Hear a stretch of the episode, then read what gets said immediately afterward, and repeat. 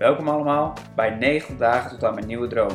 In deze podcast neem ik iedere dag een aflevering op om mijn nieuwe droom te vinden. Vond je het leuk om te luisteren? Abonneer je dan op dit kanaal en laat een reactie achter.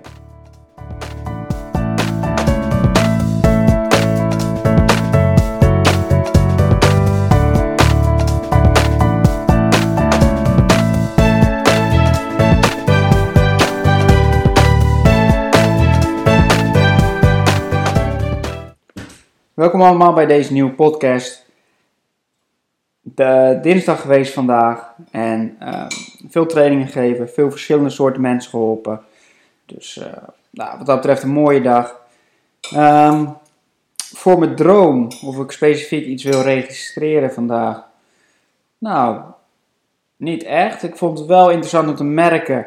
Ik ben nu ook bezig met um, wat meer, uh, nou, dus podcast, uh, social media inrichten, uh, online cursus, mm, voor bedrijven verschillende projecten bezig.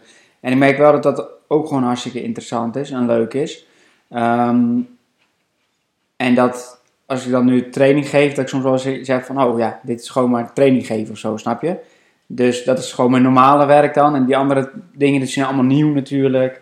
En uh, dus ja, dat, het is wel een iets andere dynamiek die dan ontstaat. Ik ben benieuwd of zich, of, of zich dat verder ontwikkelt. Um, ik vind het wel heel leuk om mee bezig te zijn.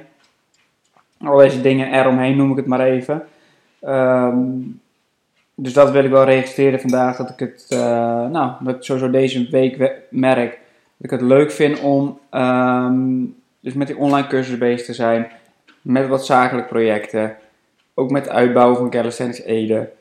Um, dus meer met het, uh, nou, met het uitdenkwerk daarvan. Um,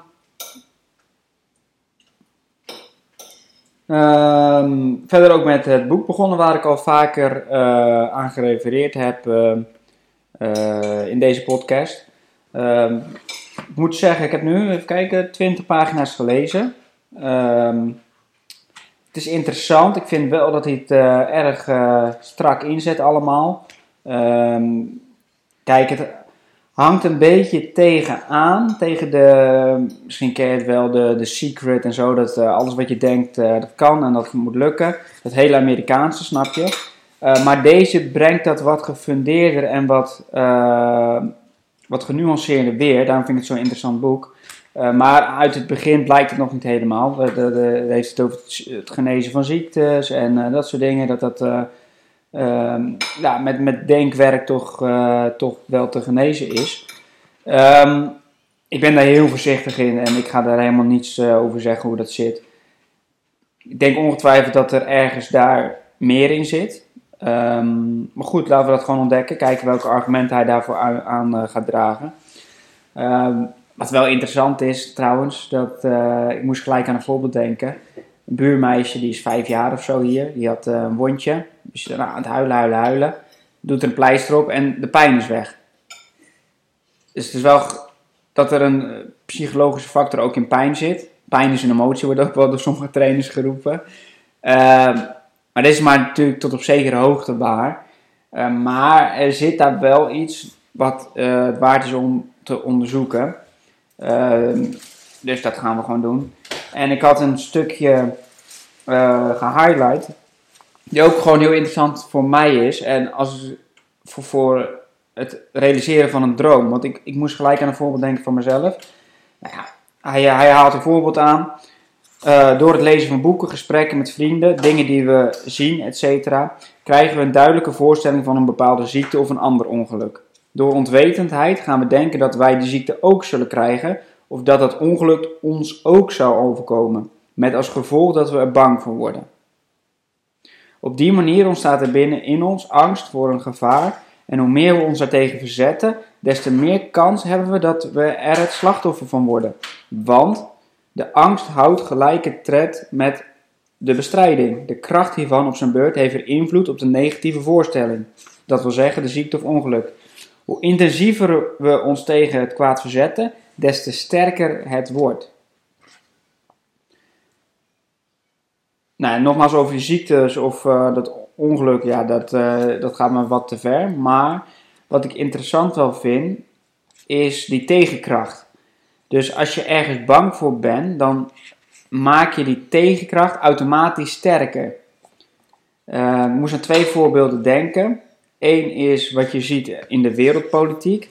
Dat bijvoorbeeld in de Koude Oorlog, als jij een eigen leger bouwt en dat verder uitbouwt, laat maar zeggen, dan wordt die andere, nou dat ging dan in dat geval tussen Rusland en Amerika, die andere kant, die wordt dan banger.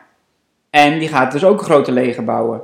Dus doordat jij een grote leger gebouwd hebt, gaat het andere leger ook een grote leger bouwen. En vergroot de angst alleen maar weer voor het andere leger. Snap je wat ik bedoel?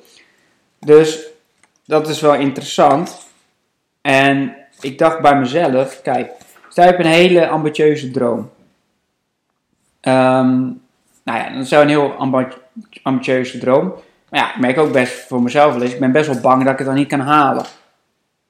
Dus je hebt dan angst dat je het niet gaat halen. Waarom je dan angst hebt is een andere vraag, maar je hebt angst dat je, niet gaat, dat je die droom niet gaat halen. Dus je zit met die angst. Nou, hoe kan je dat het best bestrijden, die angst? Door de droom niet te hebben of er niet aan te beginnen. Want dan faal je ook niet. Snap je? Dus die angst, die zorgt ervoor dat je daarom je droom niet haalt. En hoe meer je aan die droom gaat denken, of hoe meer je, je, die doelen gaat maken, hoe groter die angst wordt. Dus ook hoe die angst om te falen komt dan ook steeds dichterbij. Van wow, als ik dit wil neerzetten of dit wil bereiken, dan uh, dat is wel een heel groot doel. Maar als ik het niet haal, dan faal ik. En hoe meer je die angst om te falen hebt, des te groter en des te verlokkelijker is het natuurlijk om het niet te doen. Om het niet aan te gaan. Om geen acties te ondernemen. Wat vervolgens betekent dat je je droom nooit zult halen, want je onderneemt de actie er niet, uh, niet voor. Dus daar, daar moest ik wel gelijk aan denken. En dat vind ik wel interessant om het op dat niveau uh, in ieder geval door te gaan vertalen. Dus ik ben benieuwd. Uh, ik hoop morgen weer een aantal pagina's te lezen, of daar weer interessante dingen uitkomen. Um, maar dat vond ik wel even een eye-opener voor mezelf. Dat ik denk van ja, dat is wel hoe het nou, wel zou kunnen werken. En uh, ik denk dat ik mezelf daar gewoon heel erg bewust van zou moeten zijn. En ook vooral dat angst om te falen is allemaal maar weer tussen, zit allemaal weer tussen de oren. Want ja, het maakt niemand uit dat jij faalt. Het zit allemaal tussen je oren. Ik bedoel, mensen zijn al allemaal met zichzelf bezig en bang genoeg dat ze zelf niet falen. En als ze iemand zien falen, dan denken ze misschien van oké, ja, jammer voor hem. Of uh, ja, weet je, maar meer ook niet. Dus ja, dat is ook maar allemaal relatief begrip. Um, maar goed, een uh, interessant begin. Een uh, hard ingezet be begin van deze meneer. Maar ja, ik kan me dus herinneren dat er later in, de, in het boek wel echt hele mooie voorbeelden komen. Dus die gaan we gewoon samen meebeleven. Verder komt er, denk ik, morgen of overmorgen een podcast uit dat ik een gesprek heb met, of geïnterviewd word door Guido van de Gold Trainers. Zat er nog even terug te kijken en dat is echt wel een leuk gesprek voor als je ondernemer bent of voor als je je passie of je missie wil volgen. En ik heb dat gesprek opgenomen een paar weken geleden, voordat ik überhaupt al eraan dacht om een podcast te beginnen. Um, dus ik vond het heel grappig om dat terug te zien. En uh, nou ja, als je tijd hebt, het duurt wat langer, kijk hem dan, want uh, ja, er zitten wel leuke, leuke elementen in. Tot morgen. Leuk dat je luisterde naar deze podcast. Vond je het leuk om te luisteren? Abonneer dan nu op deze podcast in de podcast-app. Wil je verder nog tips omtrent voeding, vitaliteit en sporten? Volg me dan ook op Instagram.